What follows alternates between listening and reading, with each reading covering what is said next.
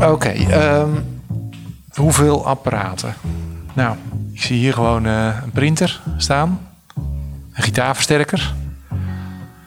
Eh, verder ehm, een hoop spotjes. We hebben heel veel spotjes in huis. En dan hebben we hier Koffiezetapparaat, nee. ja, in de woonkamer... Ja, mijn espresso machine, die, was best wel, eh, die ver- verbruikt best wel veel volgens mij. Hè? Ja, maar die staat ook, continu staat die aan.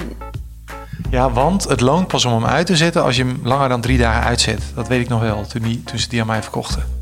Maar dat is best wel energieslurper, Maar is is dat. dat waar of is dat een meer een verkooppraatje geweest? Nee, nee dat, dat weet ik echt nog. Want als ik, ik doe nog steeds ook als ik langer dan drie dagen weg ga, zet ik hem uit.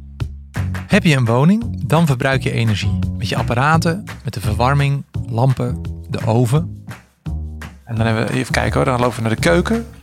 En dan hebben we koelkast, vriezer. Ja, eigenlijk wel de gewone... Oh ja, die kwoeker, die verbruikt ook volgens mij best wat, hè? Nou ja, dat was volgens mij een punt waar jij eigenlijk over viel toen wij hem aanschaften.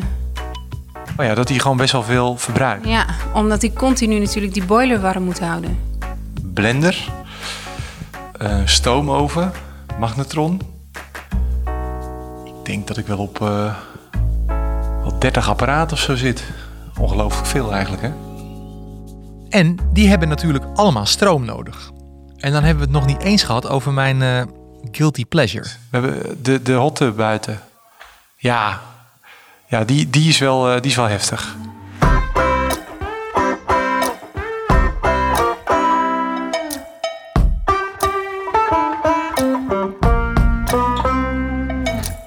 Je luistert naar Plan B van de Nationale Postcode Loterij. En mijn naam is Nick Schilder. In deze podcast ga ik op zoek naar hoe het anders kan. Leven op een manier die goed is voor de aarde. Duurzamer dus. Maar hoe pak je dat aan zonder gelijk alle leuke dingen overboord te zetten?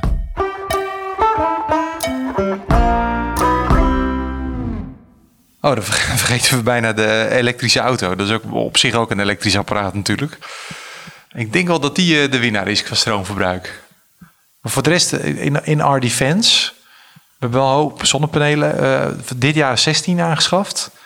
En alles is naar de LED gegaan. Alle verlichting. Dit jaar ook nog, toch? Ja, zeker. Maar ik denk, weet je, we zijn ons zo bewust van wat we verbruiken... dat ik eigenlijk wel heel erg trots ben op hoe we dat doen. Nou, mag je ook zijn. Ja, ik kan het natuurlijk makkelijk goed praten, hopend dat de zonnepanelen mijn hot tub verwarmen. Maar grote kans dat dat onzin is. Wij, wij ontvangen op aarde 9000 keer meer energie van de zon dan dat we met onze wereldeconomie gebruiken. Dus er is voldoende energie. Misschien heb ik dus toch gelijk. We zijn nog alleen niet zo handig in het eh, gebruiken daarvan. En we, en we verspillen heel veel op dit moment. Hmm, toch niet. Jammer. Ik ben Andy van der Dobbelsteen. Ik ben hoogleraar Climate Design en Sustainability aan de TU Delft. En ik ben daar ook eh, duurzaamheidscoördinator. Ja, dat we veel stroom gebruiken in onze huizen is geen breaking news natuurlijk. Ik telde in no time 30 apparaten in huis en ik heb er vast nog wel wat gemist. En als ik er goed over nadenk, zijn het veel apparaten die niet bij ons in huis stonden toen ik opgroeide. De espresso-machine, de stoomoven, laat staan de elektrische auto. Maar ik ben benieuwd hoe wij Nederlanders ervoor staan met ons energiegebruik in huis. Wat is het effect op de planeet van al dat soort apparaten? Er zijn hartstikke veel apparaten die, die vroeger gewoon niet zo gewoon waren. En die we nu er wel hebben. Uh, dus de elektriciteitsgebruik is gewoon enorm toegenomen in huis. Maar ik moet erbij ook zeggen dat uh, die apparaten in de, in de loop der tijd ook steeds efficiënter zijn geworden. Dus het is niet zo dat we uh, exponentieel in stroomverbruik omhoog gegaan zijn. Ah, dat is mooi.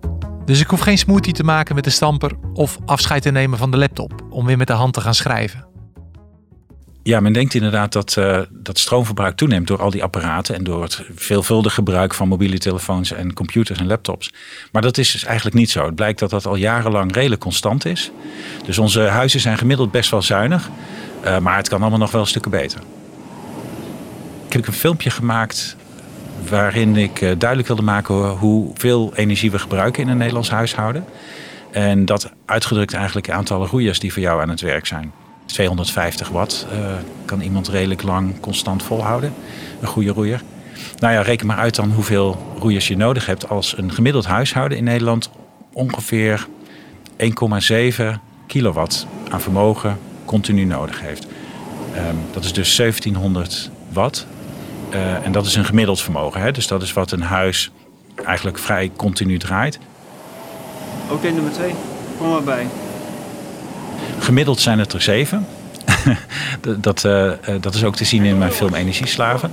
Uh, maar ja, tijdens piekvermogen, bijvoorbeeld als iemand gaat douchen, dan heb je er misschien wel 30 die op vol vermogen staan te roeien. dus dat is een enorm verschil. Maar het belangrijkste is natuurlijk dat je snapt dat een, een groter vermogen van een apparaat ook tot meer energiegebruik leidt. En zeker als je dat heel lang gebruikt.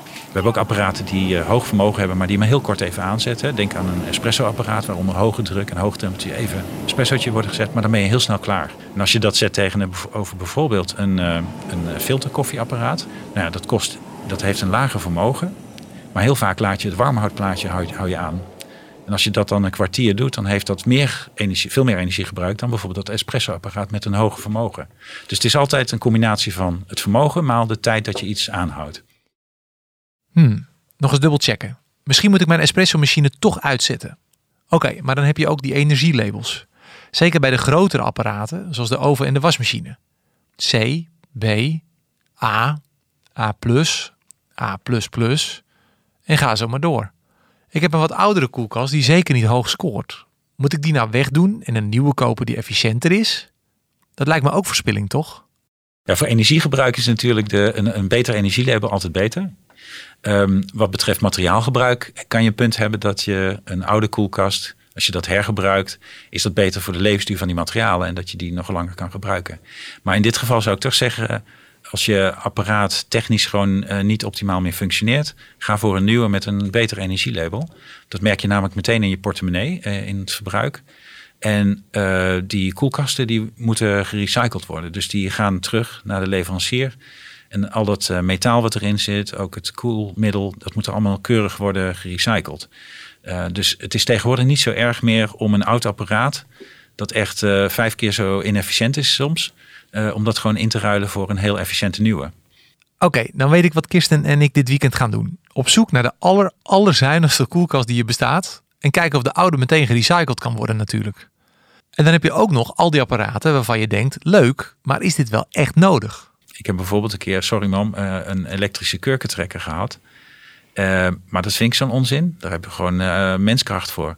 Dus die, die heb ik eigenlijk niet veel gebruikt. Um, en datzelfde geldt voor een, andere, aantal andere apparaten. Eh, een, eh, een koffiebonenmaler. Je hebt er hele leuke apparaatjes voor. Waarbij je ook de grofheid van, van de koffieboon kan instellen.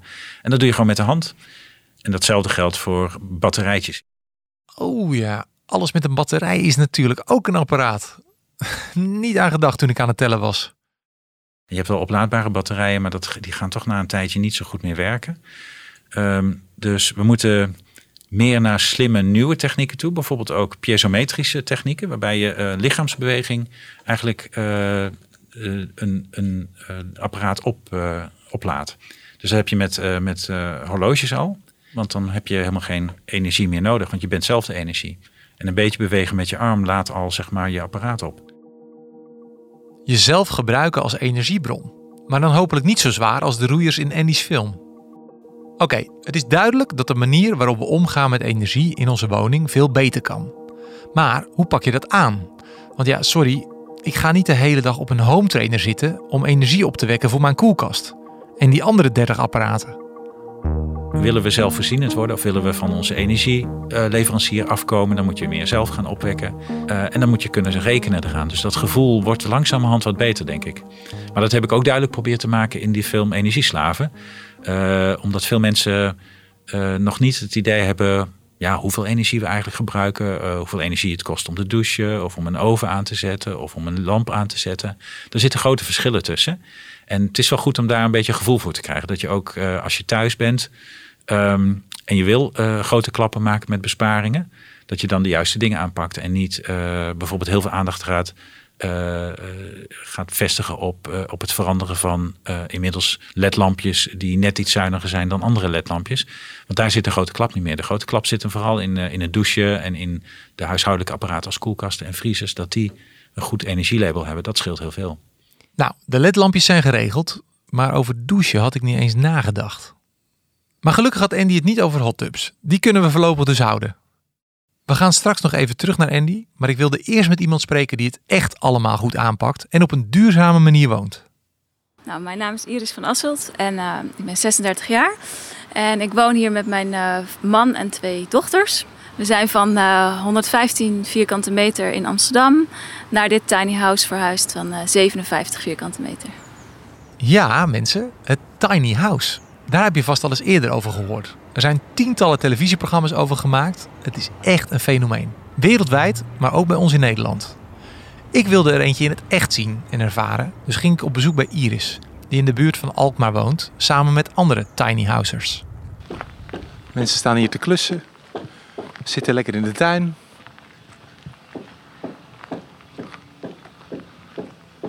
En de waakhond, die komt uh, ook. En het zijn er iets van, even kijken hoor, 2, 4, 6, 8. Iets van 9 zijn het er. In een soort kring rondom een uh, plantsoentje gebouwd. Ja, een hele familie op 57 vierkante meter. Onze inloopkast zit al op zo'n 15 vierkante meter. Maar het is natuurlijk wel super duurzaam, denk ik. Dit is wel echt een flinke stap verder dan de lampen uitdoen als je een kamer verlaat of een energiezuinige koelkast kopen. De gevel is uh, van gebrand hout. Dat uh, is een Japanse techniek. En uh, de kas die ertussen staat is een tweedehands tomatenkas uit het Westland. En het lichte hout wat je binnen in de kas ziet, dat is Nederlands populiere hout. Ja, ik had toch bij Tiny House eh, dan iets van 30 vierkante meter of zo in gedachten. Dit ik, het is veel groter dan ik verwacht had in ieder geval. Ja, klopt. Uh, officieel is Tiny House tot 50 vierkante meter. Dus wij hebben eigenlijk voor een dubbel tiny house gekozen. Nou ja, wij zijn naar 57 gegaan. Maar voor ons was eigenlijk het belangrijkste niet de grootte, maar de duurzaamheid. Dus we hebben echt gekozen voor enorm veel isolatie in de muren, uh, een extra dik plafond, dikke vloer. Uh, ja, dat het zo driedubbel glas, dat het zo duurzaam mogelijk is eigenlijk. Ik zie hier heel veel, heel veel daglicht heb je, heel veel glas. En alles is gelijkvloers. Dus ik neem aan dat daar de slaapkamers zitten dan aan die kant? Ja, klopt. Aan die kant zitten de slaapkamers. En daarboven hebben we een soort uh, ja, inpandig dakterras gebouwd. Hoe, hoe, wordt het huis eigenlijk verwarmd? Uh, we hebben nu één airco-installatie in de slaapkamer staan. Een airco is eigenlijk een warmtepomp, dus die, daar kan je ook mee verwarmen. Dus um, die gebruiken we nu om de slaapkamers een beetje van de kou af te krijgen, want die zit op het noorden bewust. En de woonkamer willen we ook een airco-systeem. Airco, dat klinkt bij mij gelijk als niet duurzaam, maar hoe jullie het gebruiken, dus wel kennelijk. Ja, want als je bijvoorbeeld een elektrisch kacheltje hebt, dan doe je daar 1 kilowatt energie in en dan komt er 1 kilowatt energie uit. Of 1 kilo ja, warmte komt eruit. En een airco doe je 1 kilowatt in en er komt 5 uit. Dus het is een, eigenlijk, ja, een airco is een warmtepomp, dus is de meest uh, nou ja, duurzame manier van verwarmen. Maar echt van het glas tot aan uh, het, de lampen, het gebrande Japanse haar. Al, al, al, het materiaal is duurzaam hier. Mooi. Zullen we naar binnen gaan? Ja? Wat was nou precies de aanleiding voor jullie om hier uh, naartoe te verhuizen? We woonden in een rijtjeshuis en toen dachten we af en toe al wel eens... ja, wat, we hebben eigenlijk best wel veel ruimte en veel ruimte die we ook niet gebruiken. En toen zijn we met onze kinderen van Amsterdam naar Japan gereden in een camperbusje... En ja, dan ben je zeven maanden met z'n vieren op zeven vierkante meter woon je dan. En dat uh, doet je ook wel anders uh, denken over wat heb je nou eigenlijk echt nodig in het leven en wat vind je nou echt belangrijk. En uh, nou ja, daar kwam voor ons uit dat we gewoon wat groener wilden wonen en wat duurzamer en kleiner. Omdat je eigenlijk helemaal niet zo heel veel spullen nodig hebt. En is dat ook wat je echt hebt ondervonden? Of, of is het wel af en toe wennen aan het feit dat je kleiner woont? Ik heb nog geen moment gedacht, goh, wat woon ik klein. Omdat, ik, omdat je veel meer buiten woont ook. Um, ja, want dat, dat buitendeel is heel toegankelijk hier. Ik zie overal, je hebt zo'n plantsoen, zie ik in het midden tussen al die huizen in. En daar staan bankjes en picknicktafels. Ik heb wel de indruk dat jullie allemaal veel, uh, heel snel naar buiten gaan hier. En veel, ja, ik voel wel gelijk. Ik merk wel een groepsgevoel. Ja, klopt. En dat was ook wel echt uh, de insteek hier. Dat alle huisjes in ieder geval een, raam of een deur naar het middenterrein moesten hebben. Zodat je echt dat nou ja, niet een gesloten wand hebt en, eh, en wel die in verbinding blijft met elkaar. En daardoor, eh, ja, doordat je veel ramen aan eigenlijk alle kanten van je huis hebt, beleef je de natuur en de, en de seizoenen ook veel meer. Als ik door dat raam, eh, wat hier naast de bank is, kijk, dan is het nu helemaal groen, maar je, je ziet het helemaal veranderen in de loop van het jaar. Mijn vriend vindt het ook heel erg leuk om te knutselen met accu's, zeg maar, tweedehands accu's uit een, een elektrische auto. Dus wij willen echt helemaal off-grid gaan. Dus echt nou ja, met de zonnepanelen op de, opslaan in de accu's, de energie opslaan in de accu's. En dan op die manier, nou ja, hopen we het jaar rond, maar dat zal in de praktijk 10, 11 maanden zijn dat we dan op die manier kunnen leven. Helemaal zelfvoorzienend. Dus je, je, je, uiteindelijk gaan jullie helemaal van het energienet af. Dat is het voornemen. Zeker, ja. En er sowieso is hier al geen gasaansluiting. Um, dus dat is al uh, nou ja, één uh, grid minder, zeg maar. Roland die heeft ook een recycled douche gebouwd. Dus dan vang, ja, dan vang je het regenwater op. Met dat regenwater ga je douchen. Dat spoelt door het putje weg. En dan gaat het door allerlei filters en dan komt het weer over jezelf heen. Dus zo heb je eigenlijk heel weinig waterverbruik. Roland is een handige jongen zo te horen. Ja, zeker. Als ik zelf met accu's in de, aan de slag zou gaan, dan zouden er echt bezorgde buren komen kijken of, of er geen brandgevaar zou ontstaan, denk ik. Maar Roland, die, die kan dat. Ja, het is ook niet voor iedereen weggelegd, want het zijn geen gewone loodaccu's, dus het zijn lithiumaccu's en die zijn dan wel weer wat nou ja, gevoeliger. Dus je moet echt wel goed weten wat je doet om daar. Uh, dus don't try this at home. Je bent in het dagelijks leven interieurstylist, ook met, met, met ook het oog op duurzaamheid. Um, heb, heb je ook met echt speciale aandacht uh, vanuit ja, beroepsmatig perspectief dingen ingericht of uh, besteld? Ja, al onze ramen zijn trippelglas en alles is tweedehands. Dus we hebben eigenlijk ons huis om de tweedehands partij ramen heen gebouwd. We hebben 24 centimeter dikke muren uh, met een natuurlijke houtvezelisolatie daartussen. En eigenlijk wil ik dat mijn huis een soort showroom is voor mijn klanten. Uh, doordat ik hier allemaal duurzame producten laat zien. Zo ligt er marmeleum op de vloer. Dan gaan we meedoen aan een pilot dat onze keukenkastjes uh, van plaatmateriaal gemaakt van zeewier uh, worden gemaakt. Uh, nou, er komen lampen gemaakt van soort schimmel, mycelium. En ja, zo kijk ik echt met mijn in, duurzame interieurstylisten oog naar mijn woning. En ja, wil ik eigenlijk gewoon inspiratie bieden, ook voor mijn klanten. Wat is nou je, je, je coolste duurzaamheidsgadget hier die je mij kan laten zien hier? Ehm, nou, dat is wel een hele goede vraag. Um, nou ja, ik denk nu iets wat echt af is, is het composttoilet. Composttoilet. Dat is wel echt een hele duurzame manier van leven, omdat je nul water verbruikt. Oké, één klein kopje als je hebt geplast, doe je er doorheen. Maar niet zoals de meeste Nederlanders die uh, tientallen liters drinkwater per dag er doorheen spoelen. Dat hebben we niet. Jullie gaan wel all the way. Jullie, jullie, het zijn geen halve maatregelen hier. Jullie willen echt helemaal naar, naar nul uitstoot, willen jullie? Uh, ja, maar toch hebben we wel een compromis gedaan. Want ik wilde echt heel graag een bad. En toen konden we hier in de buurt een, uh, klein gratis bad ophalen. Toen dachten we, nou, laten we dat dan doen. Uh, tweedehands. En ja, daar ben ik wel ontzettend blij mee. Dus um, ja, we willen het helemaal all the way. Maar als ik op een gegeven moment in de winter in bad wil en er is niet genoeg regenwater, ja, dan zet ik misschien toch wel even het leidingwater aan. En hoe wordt dat verwarmd? Uh, straks met de zonnepanelen.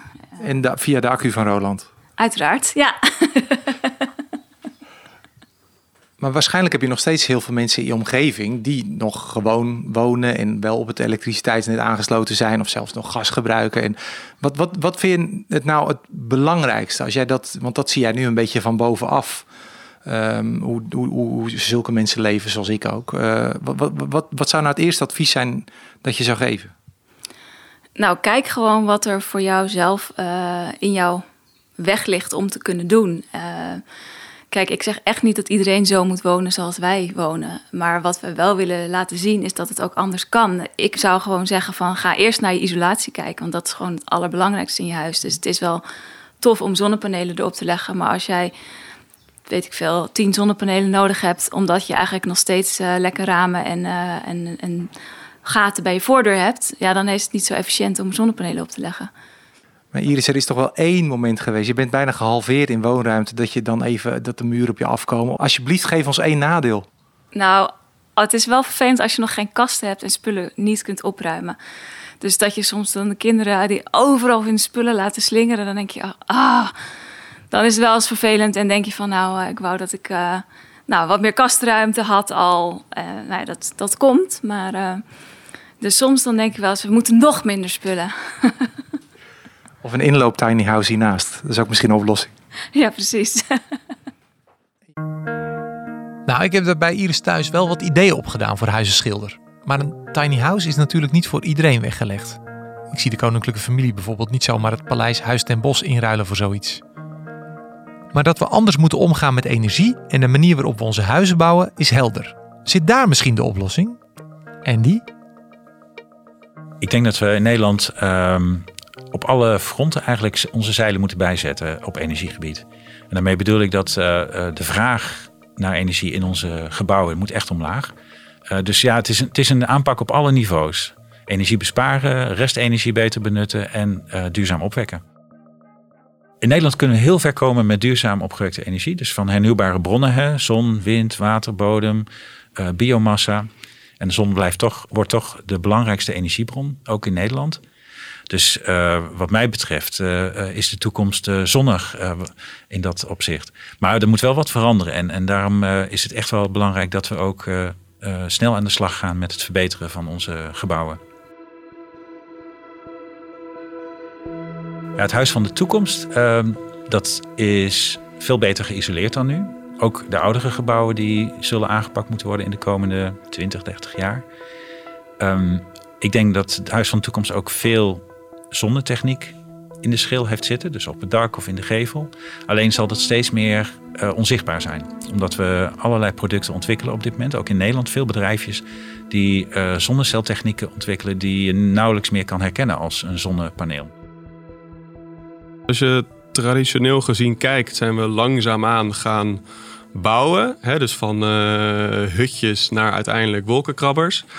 Maar naarmate we dat meer en meer zijn gaan doen en daar ook meer en meer zijn gaan wonen, werken, leven, ja, voelden we ons ook steeds minder connected met de natuur. En zijn we langzaamaan steeds meer en meer met glas gaan bouwen, zodat je weer langzaam die verbindenis kunt maken met de natuur.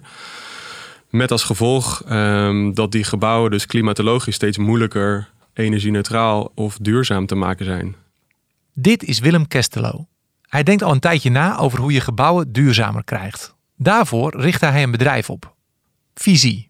De naam Visie komt van physics en seeing.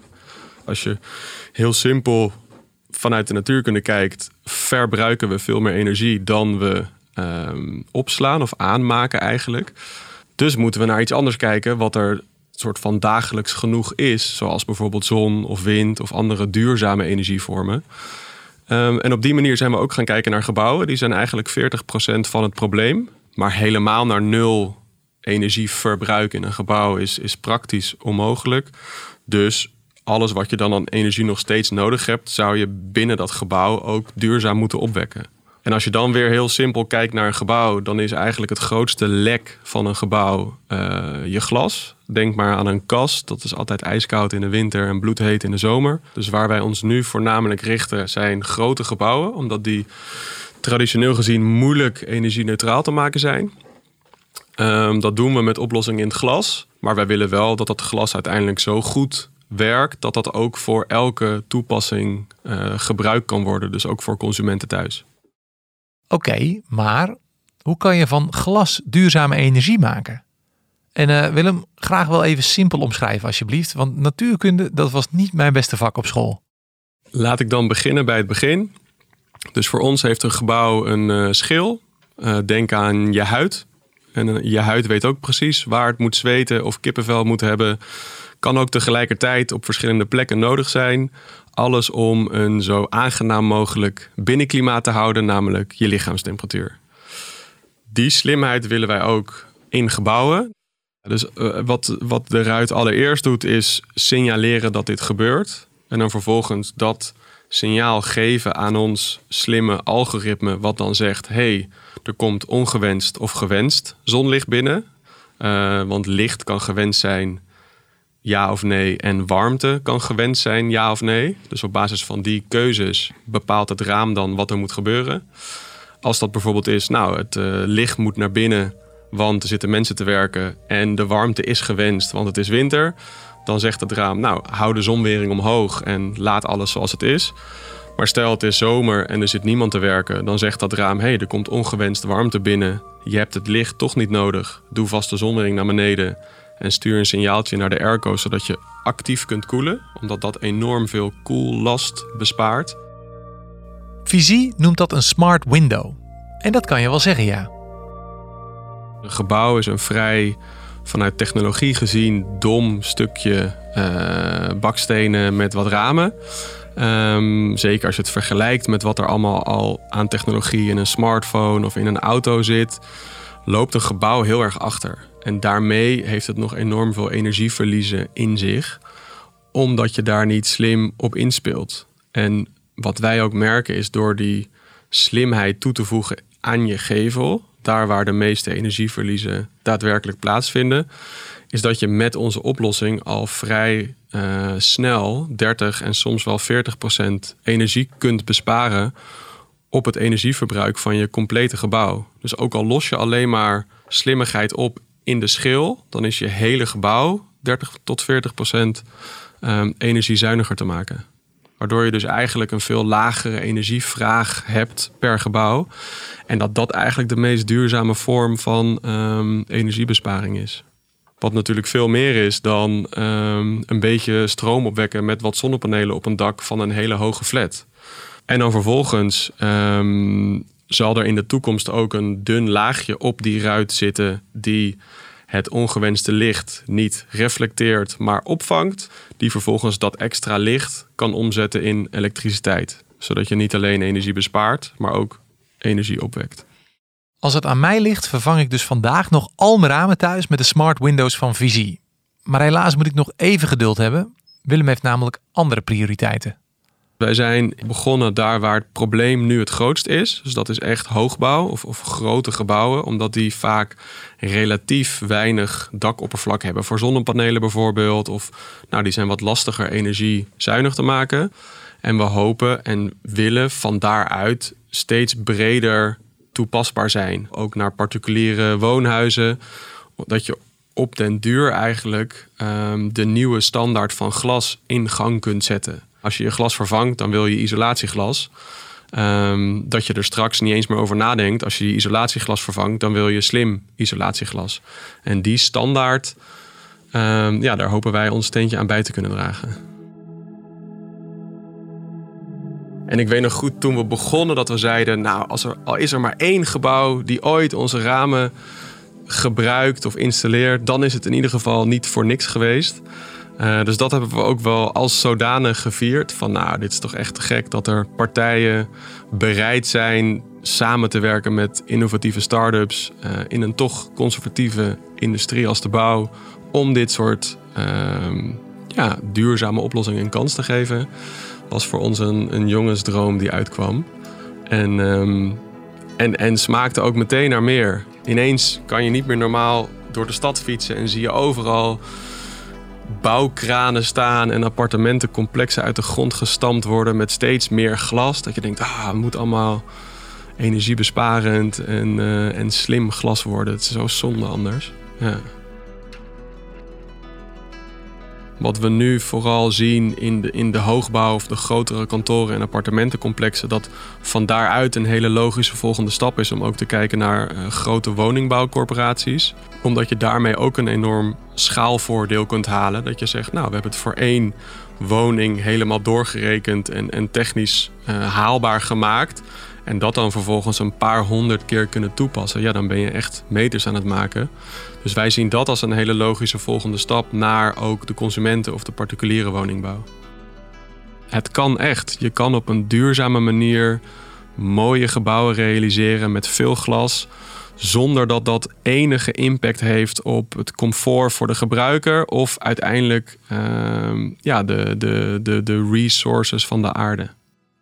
Ja, kijk, daar word ik dus gelukkig van. Duurzamer, maar dan op een moderne manier. Ik moet dus alleen nog wel even wachten voor ik bij ons thuis aan de slag kan en die oude, niets slimme ramen eruit kan tikken. De smart windows zijn er namelijk nog niet voor woonhuizen. Maar wanneer dan wel? Wat is het vooruitzicht? De ambitie is om binnen vijf jaar deze standaard te worden. Uh, dus hopelijk ook binnen vijf jaar dat iedereen uh, die een ruit moet vervangen ook een slimme ruit daarvoor terug kan krijgen. Ik denk 2026. Uiterlijk. 2026. Staat genoteerd. Ja, en dan de rest natuurlijk. De espresso-machine toch maar uitzetten, denk ik. Zonnepanelen hebben we al, maar misschien moeten er nog wel meer bij komen. Of apparaten die je kan opladen met je eigen energie dus. En dan natuurlijk dat composttoilet. Dat vereist misschien nog wel wat overleg thuis. Nee, dan zijn die smart windows een stuk haalbaarder. Je eigen huis als bron van energie. Geweldig toch? Oh, en wil je Andy's film Energieslaven zien? Kijk dan even op onze site. Daar vind je ook linkjes naar de sites van Iris en Visie. En volgende week? En we geloven heel erg dat dit de manier is om elektrisch rijden toepasbaar te maken voor iedereen. En dat is uiteindelijk wat ons, wat ons drijft om toch, uh, toch door te gaan. Ja, heel cool. Heel cool. Ja, dit, dit is heel futuristisch wat ik hier zie. Het, het, het, lijkt wel een beetje ja, een langwerpige auto. Ik zie dat, ja, dat is dus één groot zonnepaneel. Je, je, ja, je zit dus boven op de batterij en onder een zonnepaneel. Ja, klopt. Je zit echt, uh, je zit echt tussen, tussen de duurzaamheid, uh, uh, als duurzaamheidssandwich. Ja. Duurzaamheidssandwiches, ja, ja, klopt. Ik ga de straat op om te kijken hoe het zit met een plan B voor vervoer. Dit was Plan B, een podcast van de Nationale Postcode Loterij. De loterij voor een groene en rechtvaardige wereld. En mijn naam is Nick Schilder. Ik vind het geweldig dat de Postcode Loterij dankzij haar deelnemers al ruim 7,1 miljard euro aan meer dan 100 goede doelen heeft kunnen schenken en zo bijdraagt aan een betere wereld. Wil je meer weten over deze podcast en over hoe jij duurzamer kunt leven? Kijk dan op planbdepodcast.nl. Wil je geen aflevering missen? Zorg dan dat je je abonneert op Plan B in je favoriete podcast app. En dankjewel voor het luisteren.